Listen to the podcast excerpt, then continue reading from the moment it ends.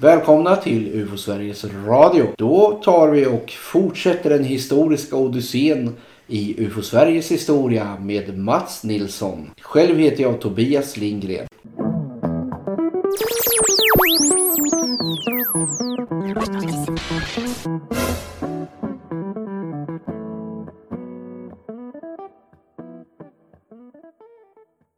Då fortsätter vi Mats här. Vad, Vi kom fram till året 1980 ungefär och du var på riksstämma. Ja. Och det hände, det var kaotiskt tyckte du. Ja, det var Ja. verkligen kaotiskt. Det var ju årsmöte som det är på alla riksstämmor före den externa delen. Och eh, eh, den motion som vi pratade om tidigare, den gick igenom. Varvid de här personerna, en ifrån Malmö, en ifrån Falun och en person till, de gick upp i talarstolen och sa att eh, härmed lämnar vi UFO Sverige och tar våran medlemstidning med oss. Och eh, där stod UFO Sverige utan både organisation nästan och utan tidning som det står i stadgarna. Men hur, för en oinvigd så förstår man inte riktigt hur det funkar. Hur kan de ta tidningen med sig? Och, jag förstår inte riktigt.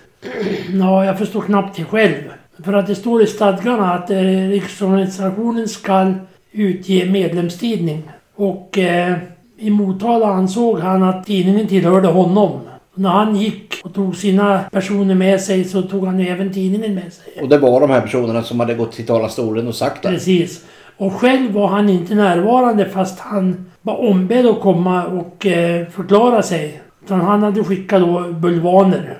Det är Karl-Axel Jonsson vi snackar om. Ja, Och han, han fegade ur helt enkelt. Han fegade ur. Och eh, de här killarna de, de gick iväg sen och försvann. Det var då någon utav UFO Sverige, om det var Bertelsen eller om det var Christer Nordin som sa de här orden att det som verkar som något negativt kan vara början till något positivt istället. Sen eh, vidtog övriga punkter på dagordningen på årsmötet och med årsmötet avslutades och den externa delen efter paus kom de med föredrag utav Christer Nordin och utav rymdjournalisten Eugen Sevitium som berättade om sina upplevelser med uppskjutningen av Apollo 11 då, första månlandningen och det. Han var på plats då vid Cape Canaveral när man skickade upp astronauterna Michael Collins, Neil Armstrong och eh, Buzz Aldrin. Och det var ju väldigt intressant att, att höra det föredraget. Och sen så vi tog vardagen igen och Håkan och jag vi dividerade om hur, hur det låg till med, med själva namnet Riksorganisationen. Så Håkan, det första han gjorde på måndag det var att han ringde till eh, Patent och registreringsverket som det heter, för att vara korrekt. Om hur Sverige var registrerat, vilket det inte var. Och det var bra för våran del. För att då registrerar vi namnet med omedelbar verkan och vi fick en formulär att skriva i och skicka tillbaka att, att eh, vi patentsökte eh, UFO Sverige som, som eh, organisationsnamn. Och sen var det det här med medlemstidningen. Och det var en ganska kul grej. Och då hade, vi ett, då hade vi ett tryckeri som låg i Sala och Håkan bodde i Sala vid det tillfället. Och eh, vi beslutade att vi måste agera snabbt. Så eh, med eh, vår ordförande, nya ordförande Christer Nordins goda minne så gick vi in på tryckeriet och Håkan säger till chefen som eh, hette Bill Jonsson och som idag är borta tyvärr att eh, vi ska starta en tidning. Hur gör man?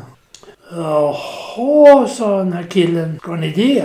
Ja, vi ska starta en tidning. Ja, och då visade det sig att eh, det skulle vara ett namn. Och i början så var det lite... Då sa vi då UFO Sverige Aktuellt. Och det vart ju då det officiella namnet först. Och så följde han med oss ut på tryckeriet. Och vi presenterades för personalen. Och det här vart väldigt väl bemötta. Och, och sen började vi skissa på det här. Och, och, och vi började skriva, Håkan började skriva en ledare och, och lite sådär. Vi började skicka material och där. Och så hade vi då Nyköpingsföreningen med stöttepelaren Karl-Anton Mattsson som var en fantastisk person och hade oerhörda mängder med namn och, och, och adresser. Så vi började skicka ut en, eh, tror det var vi skickade ut en enkät eller hur det var, jag kommer inte ihåg riktigt nu. På hur många som var intressenter för att eh, ta emot en ny UFO-tidning. Och eh, Vi satt oss och räknade, Håkan räknade på det här och sa att vi måste ha, nu kommer jag inte ihåg antalet, vi måste ha så och så många prenumeranter för att vi ska kunna betala räkningen och få lite pengar över. Så småningom så var tidningen färdig. Vi anlitade lite personer. Karl Anton hjälpte till. Vi hade lite andra personer som skrev. Men det var eget material. Det var mycket eget material. Sen var det lite klipp ur tidningar och så här. Och så hade vi eh, Rapportcentralen då för det tillfället i Eskilstuna med Stig Aggestad som eh, rapportcentralsansvarig. Och då hade vi rapporter därifrån med olika fall som hade inträffat. Och mer eller mindre utredda. Och eh, så småningom så hade vi en tidning och så hade vi Christer Nordin hade intervjuat ett par som hade haft en UFO-observation i Väddö tidigare. Där de hade hittat en sten på marken. Eh, Två killar som hette Stig Ekberg och eh, Harry Sjöberg. Harry Sjöberg, ja. Precis. Och Stig Ekberg är idag borta, men Harry Sjöberg ringer mig vid i ojämna mellanrum och pratar lite grann ibland. Men de hade då hittat den här stenen som var varm efter en landning. Och en liten metallbit. Det var en metallbit, ja. Och det kom som första sidestoff i första UFO-aktuellt, som den kom att heta så småningom. Var den, var den historien känd innan? Nej, det var det nog inte. I alla fall, sen så hade vi en sak att göra då att vi hade, jag hade tryckt upp inbetalningskort och eh, skickat ut med tidningen då till alla. Och sen, sen skulle vi ha en postbox. Det var ganska viktigt. Det hade vi bestämt på ett möte att UFO Sverige skulle ha en postbox. Och nu var, det, nu var det så här att man hade dåligt med postverksamheten i Sala men man skulle bygga ett nytt postkontor. Och där skulle det bli ett utökat antal med boxar. Och eh, jag kände chefen på eh, posten i Sala ganska bra så att vi satt oss på hans kontor och dividerade om det här med, med fack. Och så eh, säger han så här. Ja, vad skulle ni ha för nummer då? Ja, det vet jag inte, sa vi. Det beror på något som är ledigt. Det fanns ju bara 100, jag tror det var 150 fack på gamla posten. Det skulle bli mycket mera på nya. Och då säger han så här. Skulle box 175 passa bra? Ja, sa vi, det blir bra det. Och vi fick en postbox på en post som inte fanns än. Ja, det gäller ju kontakter. Ja, det gör det. Så det vart registrerat och vi, vi skrev på papper och sådär att vi skulle ha box 175 i Sala. Men det var det innan ni hade hunnit få ut första numret. Ja. Och sen så pratade vi med... det var en rolig grej. Vi pratade med chefen på tryckeriet. Och det var massor med tidningar som hade gått- i konkurs. Och då säger, var Håkan och jag inne hos chefen, Bill Jonsson, som säger så här. Jag kommer ihåg när ni kom in och ville starta en tidning. Så tänkte jag så här, vad är det för knäppjökar som kommer in och ska starta en tidning när alla tidningar går i konkurs? I alla fall så, så gick vi och väntade. Och vi var väldigt oroliga för om vi skulle behöva betala alltihopa själva. På dagarna gick, veckorna gick, det hände ingenting. Och så en dag så kommer det... Det var just på den tiden när man skrev postgiroblanketter för hand. Skicka i bruna kuvert. Men det var innan ni visste om de här adresserna som Karl Anton Mattsson hade levererat om de gav något resultat. Ja, precis. Efter några, några veckor så då kom det något inbetalningskort då och då. Och det började komma inbetalningskort varenda dag så småningom efter en tre veckor sådär. Och en dag så, så ringer jag upp Håkan och säger Du, vi har fått, vi har fått eh, ett kuvert med inbetalningar. Kuvertet är en hel centimeter tjockt. Och det visade sig att när eh, vi skulle betala tidningen så hade vi fått prenumeranter så vi hade gott och väl en bra, sum- nu kommer inte jag ihåg siffrorna, men vi hade gott och väl en bra summa över när vi, när vi eh, skulle betala tidning nummer ett. Och det här var i juli 1980 och det resulterade i att vi hade gått så långt på året så att första, första året så var det bara tre tidningar och eh, vi hade kalkylerat för fyra tidningar per år. Men i och med att första tidningen inte kom ut förrän början på augusti så var det bara tre tidningar då, det året. Det må väl vara förlåtligt så här dags. Ja, precis. Och då vart det ett ramaskri ifrån Motala, från Karl-Axel Jonsson, som menade att det här var planerat från början. En konspiration. Nej, sa vi, det var det inte. Det finns inte en möjlighet att ni kan få ut en tidning så fort utan att det har varit förberedelser. Men faktum var att det fanns inga förberedelser före utan vi agerade direkt dagen, dag, måndagen efter när årsmötet hade varit, då reagerade vi och satte igång hela karusellen. För att, för att få igång en tidning som skulle motsvara eh, vad som står i stadgarna. Och det resulterade i att det, blatt, att, att det blev UFO-aktuellt så småningom då. Och då fick man höra dels via telefon och dels via brev att den där, och det, det var just då eh, falangen med Karl-Axel Jonsson och hans medlemmar att den där tidningen den kommer inte att komma ut mer än ett par tre nummer sen är den död. De menar då UFO-aktuellt. Ja, Hade ni någon som helst insyn eller medarbetargrejer i den här tidigare tidskriften UFO Information? vi hade en kille som hjälpte oss från den gamla tidningen till den här tidningen. Ja, men jag tänkte om ni jobbade med den tidigare tidningen eller var Nej. det bara Karl-Axel Jonssons? Det var Karl-Axel Jonsson och hans, hans gäng som jobbade. Vi var, vi var nere i Skänninge och hjälpte honom på att plocka. Då plockade man tidningen ark för ark på den tiden. Och det gjorde vi en gång Håkan och jag. Och, men nu, nu alltså så, så det, det, är ro, det är roligt så här i efterhand och, och när man hörde då att den där tidningen kommer inte att bli, kommer inte att bli gammal. Den kan, tre nummer så är den borta. Och nu är vi inne på 39 året. Och den lever i allra högsta grad. I allra högsta välmåga faktiskt ska jag vilja säga. det gör det. Åtminstone Nordens största till UFO-tidskrift. Ja, För att inte säga Europas bästa. ja det, det är alla gånger Europas bästa. Ja, det ska vi vara stolta över. Ja, det ska vi. Och sen har det pinnat på efter det. Och eh, än idag så är Sala räknat som, som eh, UFO-Sveriges central, centrala plats då, i och med att kansliet blev i Sala då. Från det att vi vart centralgrupp 1979 och sen övergick då till att bli eh, UFO-Sveriges kansli istället. När det här med centralgrupp försvann. Det är också stolt över att ha UFO-Sveriges kansli i mitt eget hem. Haft ända sedan dess. Det förstår jag. Det avspeglas ju också i den här loggan som vi har. Det brukar ju stå, det står ju där box 175. Ja, Det har ju kommit en ny logga nu där man kan läsa webbplatsens namn. ufo.se nu med. ja precis. Mm. Hur, utveck, hur fortsatte utvecklingen sen då? Ja, den har fortsatt i stadig riktning uppåt. Sen eh, kom ju 1900... Jag kommer inte ihåg riktigt när vi hade riksstämma i Rättvik. Då har vi, då har vi hoppat fram en tio år sådär.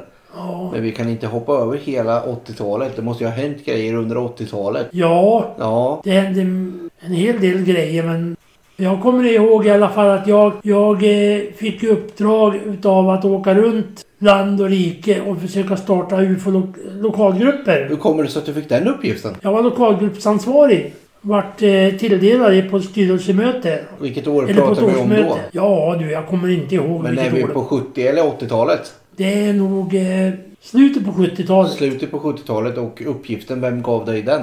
Styrelsen. Jag tackar ja. Det skulle vara roligt att, att åka runt och jag... eh, Då hade du kommit över den där rädslan som du hade på biblioteket första gången. Ja, eh, På tal om, på tal om det ja. Sen var jag ute och höll föredrag överallt. Vi, Håkan och jag var i Eskilstuna i två år och höll föredrag på eh, slutet på 70 och början på Är, är, är 80-talet. Eskilstuna så stort så att det kan ha, hålla i två år? Det var så här att eh, det var fritidsgårdar runt om i Eskilstuna. Och Eskilstuna har mycket här förorter som Hällbybrunn och Skiftinge och jag kommer inte ihåg alla orter nu. De hade en eller två fritidsgårdar på varje ställe. Och Håkan och jag besökte varenda en. Och det roliga är ju det att i början då som jag berättade i förra podden att jag höll föredrag på Tärna folkhögskola och hade ett papper framför mig. Och det där pappret det följde med mig på övriga ställen när jag höll föredrag. Och eh, sen en kväll så åkte Håkan och jag hem ifrån Eskilstuna och hade hållit ett föredrag. Och ungefär precis när vi var i... När vi var mellan, mellan alltså Eskilstuna och Västerås så säger jag till Håkan. Du Håkan, jag kom på en grej. På föredraget ikväll. Jag hade papper här. Men jag har inte sagt ett enda ord vad som stod på pappret. Då har liksom det här släppt. Sen så kunde det följande kommunikation kunde ske mellan Håkan och mig när vi åkte runt Eskilstuna och Håkan frågade mig så här. Vad ska du prata om ikväll? Och jag svarade. Det vet jag inte, det får vi se när jag kommer fram. Och jag kom upp på scenen och allting började på bara rulla för sig själv, av sig självt. Jag hade inget, Ingen manus, ingenting. Jag bara pratar fritt. Det måste vara underbart att komma i det stadiet. Ja, det tog några gånger innan, innan jag var där i det stadiet. När jag kom på att jag har inte sagt ett enda ord på det papper jag hade skrivit. Jag hade pratat direkt ut i tomma luften. Folk märkte ingen skillnad. Nej, nej. På ett ställe måste jag nämna. På ett ställe, jag skulle hålla föredrag, så säger jag så här. Ja, är det någon som har någonting att, att fråga om eller så där. Och en, en ung kille längst bak i ett hörn. Han räckte upp handen och så säger jag, jaha, vad vill du då? Och så säger han så här. Du har en jättefin slips! Jaha, tack sa jag. Och så var det, sen, sen var det så här att nästan på varenda ställe så frågar man efter föredraget och efter diabildserien så sa man så här. Är det någon som har någonting att fråga om? Inte ett ljud. Alla satt tysta. Så applåderade de. Så sa vi jaha, då får vi tacka för oss. Och så plockade vi ihop grejerna och så gick vi ut i bilen. När vi kom ut i bilen, då har nästan hela gänget samlats där och hade massor med frågor. Ingen vågade liksom ställa en fråga när andra hörde på. Där inne i lokalen. För då kände de sig förmodligen dumma liksom de.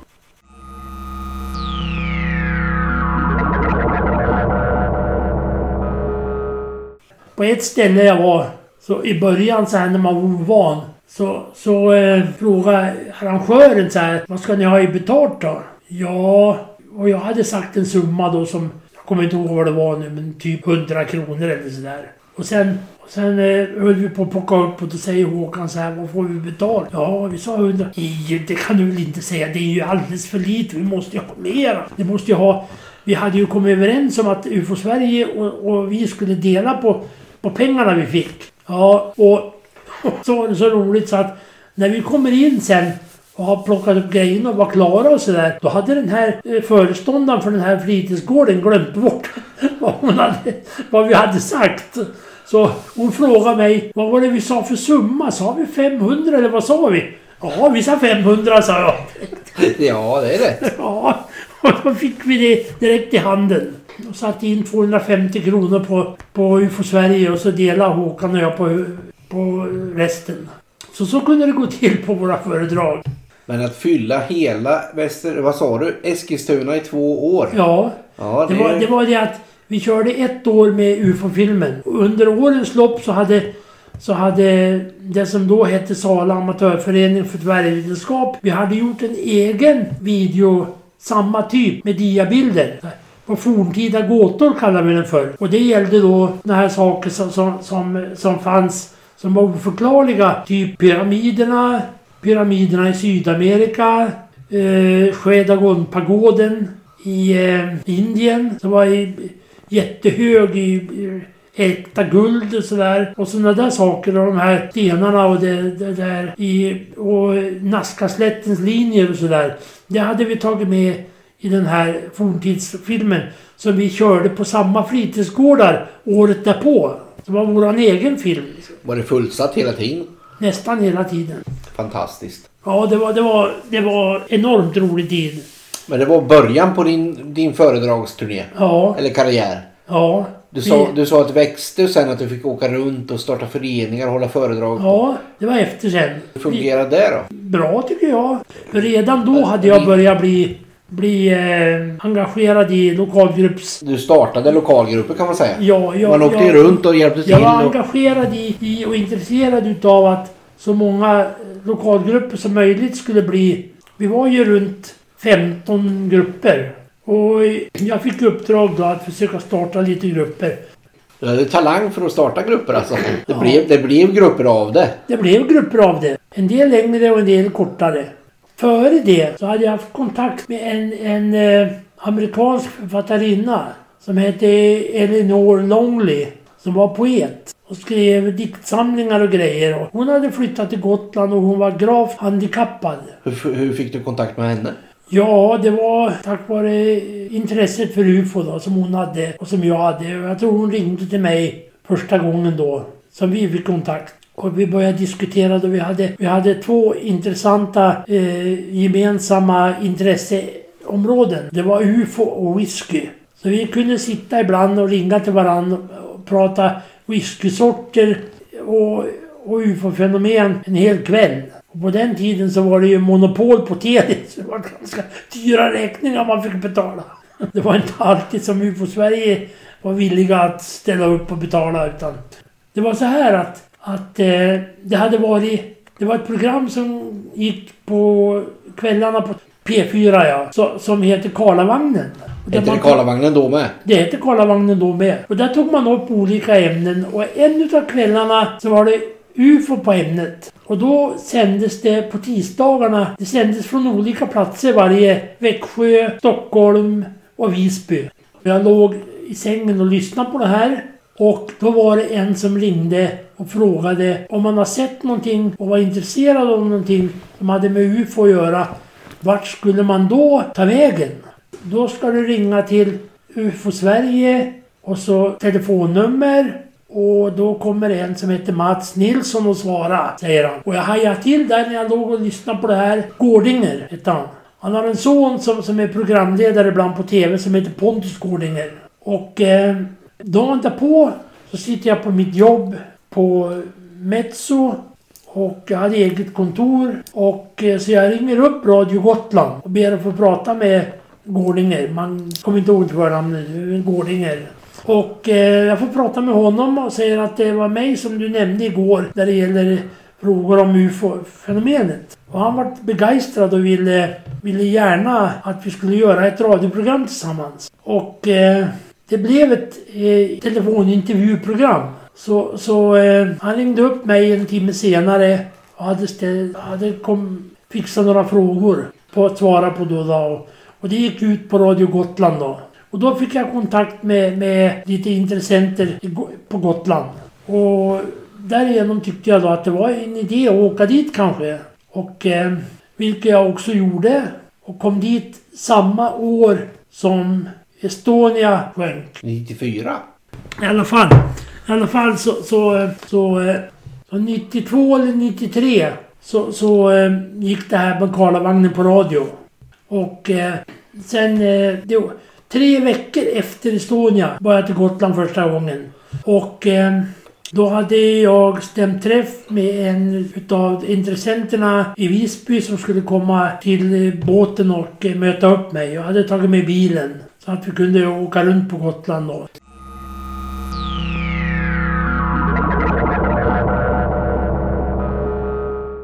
Då återgår vi till Gotland. Kör. Ja, Ja, det var i, i oktober då. oktober. 94. Då åkte jag till Gotland första gången för att starta en grupp. Ja, och då var det fortfarande aktuellt med grupper. Ja, Mm. det var det. Mm.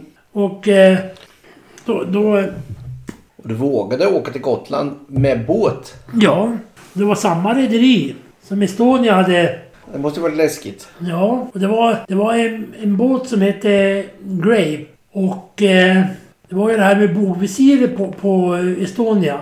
Och det där hade man ju i minne då. Men, och, och det var faktiskt ganska blåsigt när jag åkte över till Gotland då. När jag kommer ner och ska hämta bilen så plaskar jag i vatten på bildäck.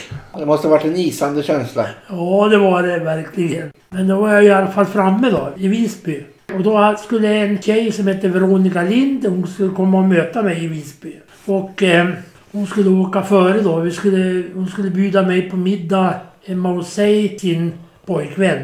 Som bodde alldeles ovanför eh, Lummelundagrottorna. Och eh, sen skulle jag bo hos en eh, farbror som heter Gillis Nilsson. Hon hämtade mig mycket riktigt och åkte före. Vi kom hem till henne. Så fanns det en annan kille som skulle komma, som skulle ingå i den här gruppen som hette Alvar. En kille som var stor, två meter. Vi kom hem till Veronica Lind och vi åt middag där och hade jättetrevligt att prata om. Vi skulle hålla ett föredrag igen. Det gick ju bra allting. Och senare på kvällen så bankade det på dörren hos henne och kommer Alvar in. Mycket riktigt en stor bastant kille. Så här snäll som en teddybjörn ungefär. Och, eh, det vart ju jättetrevlig samvaro och sen vart det lite föredrag. Och sen eh, skulle vi åka till... Då hade jag fått information av en Stockholmskille något år före. Som berättade och frågade om jag hade hört talas om något ljussken på Gotland på något ställe som heter Martebo. Och det hade jag aldrig hört talas om. Nej, då, för han hade sommarstuga på Gotland. Han, han kände till det här så han tyckte att eh, då ska du, då ska du, då ska du ta och kolla det där sa han. För att det, Det är många som pratar om Marteboljuset, sa han. Det var ingen som kände till det då. Så jag sa att det ska, jag- det ska jag hålla koll på. Så var det snack om det när jag kom till eh, Veronica i Visby då. Då säger hon ja, vi kan, vi kan åka ut dit och, och titta, för det stämmer. Och det var ju mycket riktigt då människor hade samlats där i grupper för att, för att eh, se Marteboljuset då. Och det var inte så mycket som hände den kvällen liksom. Så, så eh, fick jag guidning hem till farbrorn Gillis Nilsson där jag skulle bo. Och han hade en före detta bensinstation. Och så hade han kört taxi i sitt eh, yrkesliv. Så han hade ett tvåvåningshus och en, eh, eller tvätt och smörjhall på gården. Och där vart jag väl mottagen då. Fick hela lägenheten för mig själv på övervåningen. Han var enkeman. Och eh, honom hade vi mycket nytta av sen och, och eh, vi var ju där vid flera tillfällen under senare år sen i, i, när vi var till Martebo. Vi hade årsmöte där ett år till exempel. Men då var det en grupp i Gotland.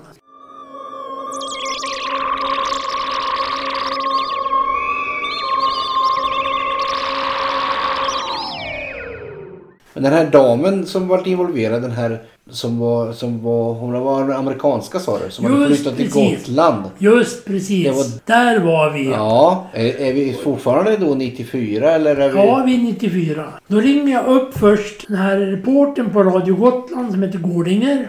Och han kunde tyvärr inte träffas. Men jag hade gärna velat träffa honom. Vi har, han kommer ju ihåg vårt radioprogram vi hade gjort. Och, men han kunde tyvärr inte träffas. Och sen eh, hade jag ju då haft eh, mycket telefonsamtal med den här amerikanska författarinnan Elinor Longley. Hon hade du kommit i kontakt med via radioprogrammet och så. Det är möjligt att hon, hon ringde mig vid något tillfälle senare och eh, var intresserad. Det samtalet ledde till, från det ena till det andra då. När jag var på Gotland så då så lånade jag Gillis telefon.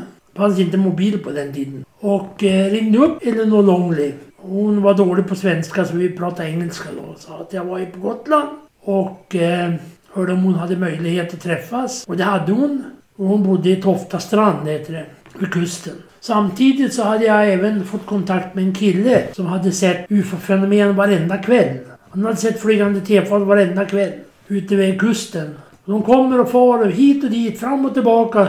Hade han sagt. Så, så det var ju ypperligt tillfälle då att göra en, eh, ett besök även där. Så jag hade fyra olika uppdrag på Gotland. Elinor Longley, besöka den här farbrorn, Martebo och så starta en grupp. Så det var en intensiv vecka för mig.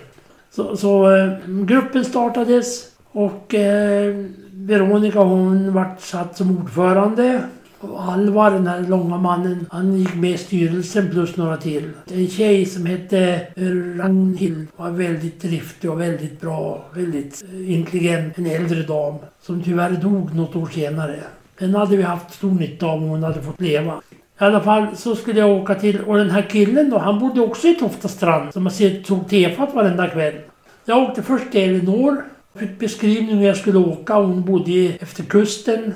Ett eh, stort hus med svarta garagedörrar. Och eh, jag åkte och åkte och åkte tyckte jag. Och, eh, jag såg inget hus med svarta garagedörrar. Så jag kom på höger sida så låg det en ICA-butik. Så jag stannade till där och gick in och frågade om, om, eh, om det fanns någon Eleanor Longley som bodde efter den här vägen någonstans. Killen på ICA, han sa Följ med mig, sa han. gick han fram till ett fönster. Så pekade han och sa Hon bor där. Det var ungefär 500 meter bort. Jag tyckte jag hade åkt så långt så att jag hade missat det där på något vis. Ja, så jag åkte dit och det, det vart ju fantastiskt. Hon hade, hon hade ju en, en ultramodern villa. Med automatiska dörröppnare och grejer i och med att hon var gravt handikappad. Hon satt, i, hon satt med utsikt över ett panoramafönster ut över, över Östersjön. Och satt i en, en säng som man kunde hissa och sänka och så här. Ja, hon, hon var... Det visade sig vara en enormt kreativ kvinna. Och eh, vi började diskutera där och hon gjorde så här när jag kom och jag satte mig på sängkanten där och, och vi pratade länge, länge, länge om UFO-Sverige och, och så här. Och så vart det lite snack om whiskysnack också då. Men hade hon någon UFO-upplevelse då eller? Någon sorts händelse? Möjligen, om jag kommer ihåg, så hade hon någon händelse hon hade upplevt i USA. I själva, under tiden på Gotland, som jag inte vet hur länge hon hade bott där. Jag borde ju rimligtvis ha frågat hur länge har du bott här? Det gjorde jag säkert, men jag kommer inte ihåg nu. Men i alla fall, så, så eh, vi diskuterade där länge. Så här och sen, sen så småningom så vart hon ju trött. Och då, då gjorde jag mitt, mitt livs största tavla. Ja, fortsätt berätta. Ja, hon bad mig att gå ut i garaget och titta. Så skulle jag få se någonting. Ja, och jag går ut i garaget och där står det en flera meter lång Cadillac. Svart. Jättefin. Med fenor och grejer. som 50-tals... 59. Med röd, röd klädsel. Och ja, som det var på den där rattväxeln. och så här, jättefin bil. Jag satte mig i den där bilen och tittade och sådär. Fantastiskt vilken bil. Och så jag gick runt och tittade och jag öppnade motorhuven och tittade med Jäklar, Åh, det var ju skinande blank i motor och allting. Och så kommer jag tillbaka in och så säger de Vad tyckte du? Hittade du någonting i garaget? Ja, jag hittade en fantastisk bil, sa jag. En jättefin Cadillac. Vad vill du ha den, sa hon. Nej, sa jag, jag har inte råd. Jag har ju en bil. Jag hade en vit Volkswagen Passat på den tiden. Nej, sa jag, jag har inte råd. Ja, men det är inte frågan om pengar, sa hon. Du får bilen. Gratis. Nej, jag kan inte ta emot den gratis, sa jag. En sån där stor fin bil. Jo, vad ska jag med bil till? Du ser väl, sa hon. Jag kan ju inte köra bil. Prata engelska då hela tiden. Jag kan ju inte köra bil med, med min kropp som jag ser ut, sa hon. Utan jag måste bli av med bilen på något vis. Så jag, du, får, du får bilen av mig. Jag skänker den. Nej, och det slutade med att jag tackade nej. Och så småningom skildes våra vägar och jag åkte därifrån. Och under... under tänkte inte mer på det. Jag tänkte hon måste vara knäpp. Sen eh, gick väl tiden och allting funkade bra. Vi var till Martebo ett par gånger under veckan och Gillis som jag bodde hos han var med en gång på, till Martebo. Och Alvar, mannen, han var med en gång till Martebo. Jag var där i stort sett tre, fyra kvällar på den här veckan. Och såg väl något ljus då och då. Som jag var lite osäker på vad det var för någonting. Men i alla fall sen åkte jag hem. Och då kom grämelsen för det här med bilen. och alla sa jävla idiot sa de rent ut sagt. Jag har ju kunnat tagit hem den och sålt den om inte annat och fått hundratals tusen kronor. det är en av mina historier som jag ångrar idag. Men det kom något gott ur Gotlands historien i alla fall. En förening och sen ett, ett mystiskt fenomen genom det här Martebo-ljuset. Ja. Absolut. Det vart ju Martebo, Martebo-ljuset vart ju mer och mer känt. Sen kom ju Inga-Lill Wallin kom ju in i bilden sen. Som, som var den som tog tag i det här på riktigt. Och åkte dit flera gånger och höll föredrag och skrev en bok om Martebo-ljuset sen. Så det, det är en all kredit värd.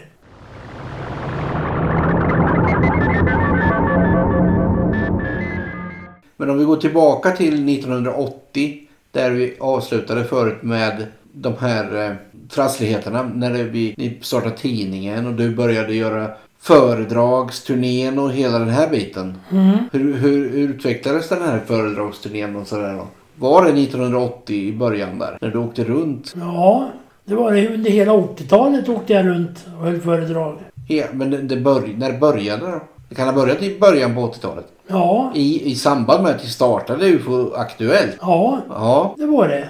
Jag var runt då i överallt och höll, höll föredrag och jag var runt i lokalgrupper och höll föredrag. Jag var ju uppe i Östersund och jag var ner, Jag startade en lokalgrupp i Ängelholm. Det primära målet med de här föredragsturnéerna var att starta lokalgrupper. I de flesta fall var det det, utom när man var ute på ungdomsgårdar. Utan det var när man var ute på så här föredragsturné för att starta grupper. Det, och det, det slutade ju med att, att vi under 90-talet så hade vi ju från 15-16 grupper till upp mot 23-24 grupper. Det gick bra alltså. Det gick jätte, jättebra. Vi startade en grupp i Skellefteå med Steve Sandström. Det har ju att göra med när vi startade en grupp i Skellefteå så var ju det, vi gjorde en, eh, en eh, Norrland, Norrlandsturné. Det var 1993.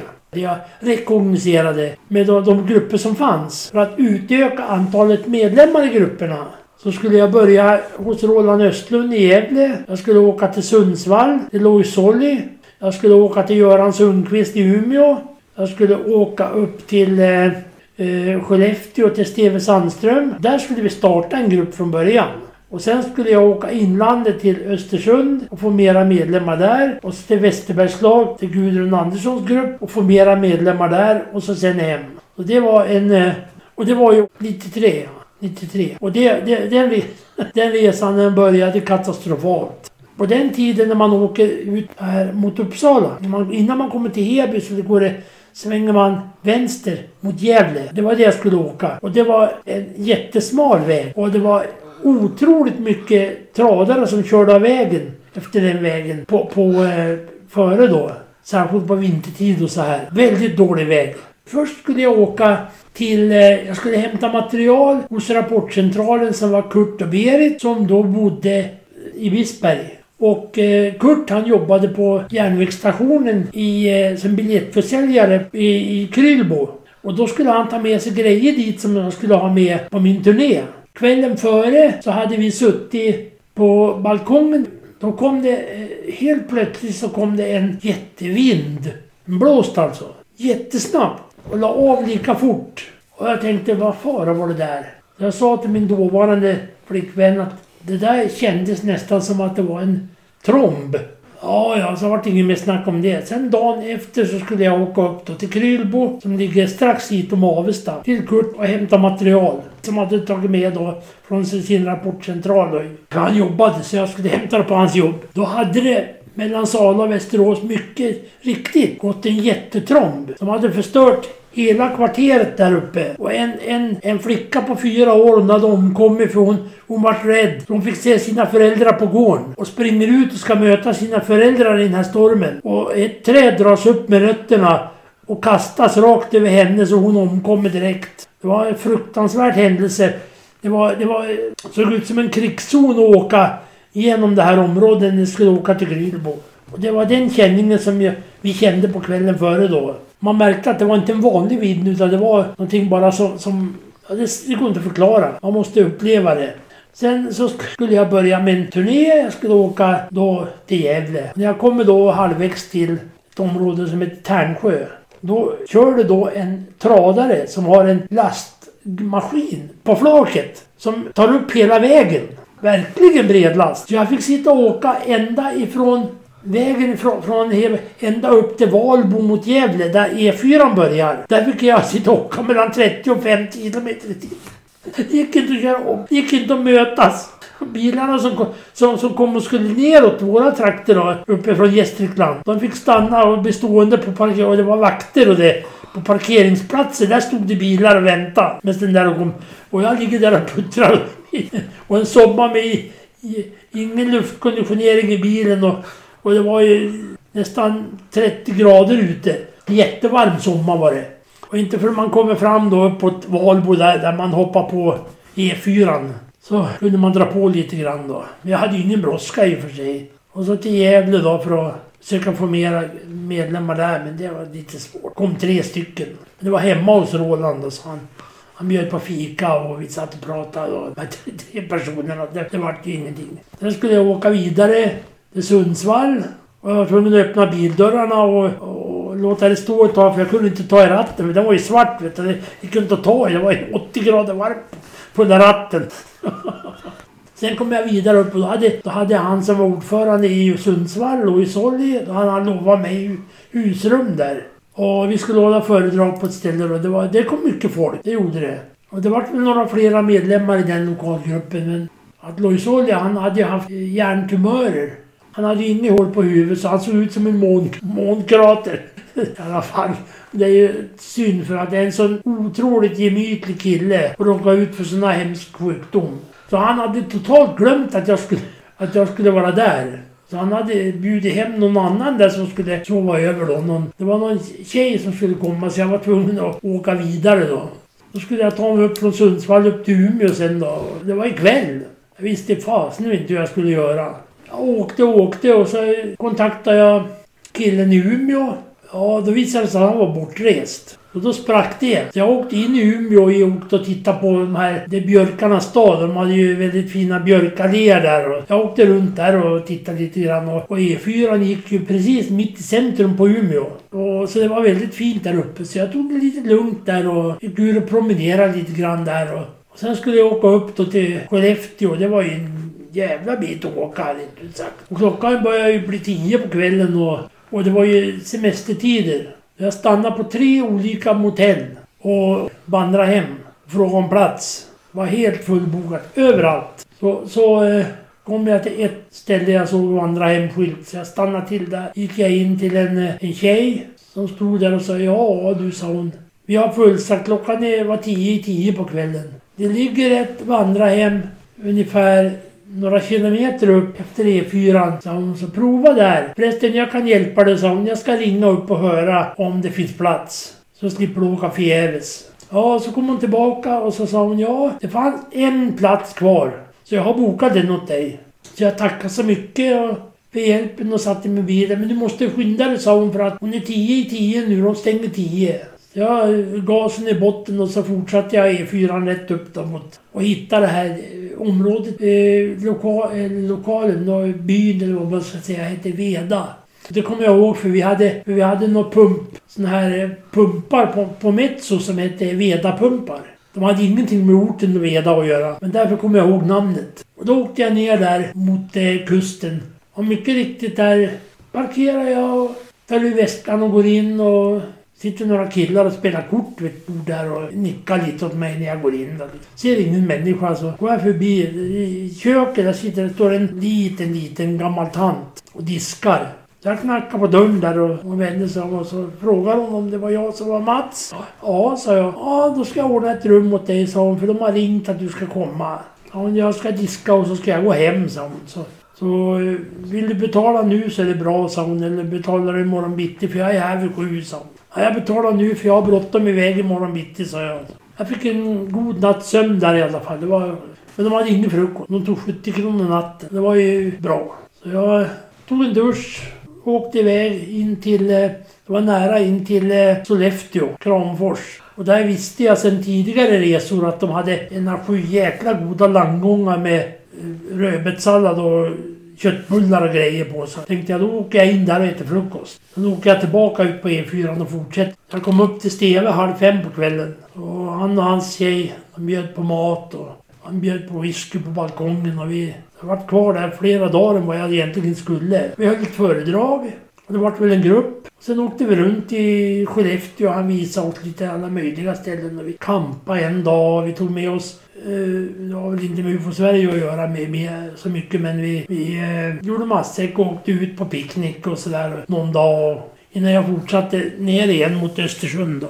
Och väl i Östersund så tog Maj-Britt Pellving emot. Det var ett föredrag där. Det var heller inte så mycket mera medlemmar än vad som de här killarna och Maj-Britt som var med från början. Men eh, hon ville också att jag skulle stanna kvar några dagar. Det gjorde jag. Det var lite... Åka runt. Hon jobbade ju på sjukhuset i Östersund. Jag åkte runt lite i stan och på, på Frösön. Jag hade gjort lite militärtjänstgöring tillfälligt på Frösön också som, som sjukvårds, sjukvårdare. Så jag var dit och tittade lite grann och var uppe i utsiktstornet på Frösön och tre, fyra dagar så åkte jag hem. Så var den resan slut och det hade gått, stort sett hade det gått bra. Vi hade fått lite mera folk i grupperna. Vi hade fått ett par nya grupper. Så det, det, det är ett eh, positivt minne ifrån mitt arbete inom UFO-Sverige. Ja, det här var ju ett exempel på en eh, sån här föredragsturné och en starta föreningar då. Ja, det var ja. Men det var ju senare sen. Mm. Det var ju på 90-talet. Ja, Nu, vi är fram, vi, vi, jag försöker ju hålla någon sorts kronologi här. Vi är ju fortfarande egentligen vid 80-talet och eh, vi eh, kommer närmare och närmare någon, en speciell händelse som jag skulle vilja komma till. Men vi kanske ska ta det som någon liten cliffhanger. Och eh, vi tar väl och avslutar det här poddavsnittet så här och säger att vi återkommer nästa gång med någonting som vi kanske kan kalla Projekt Hästdalen. Adjö för den här gången.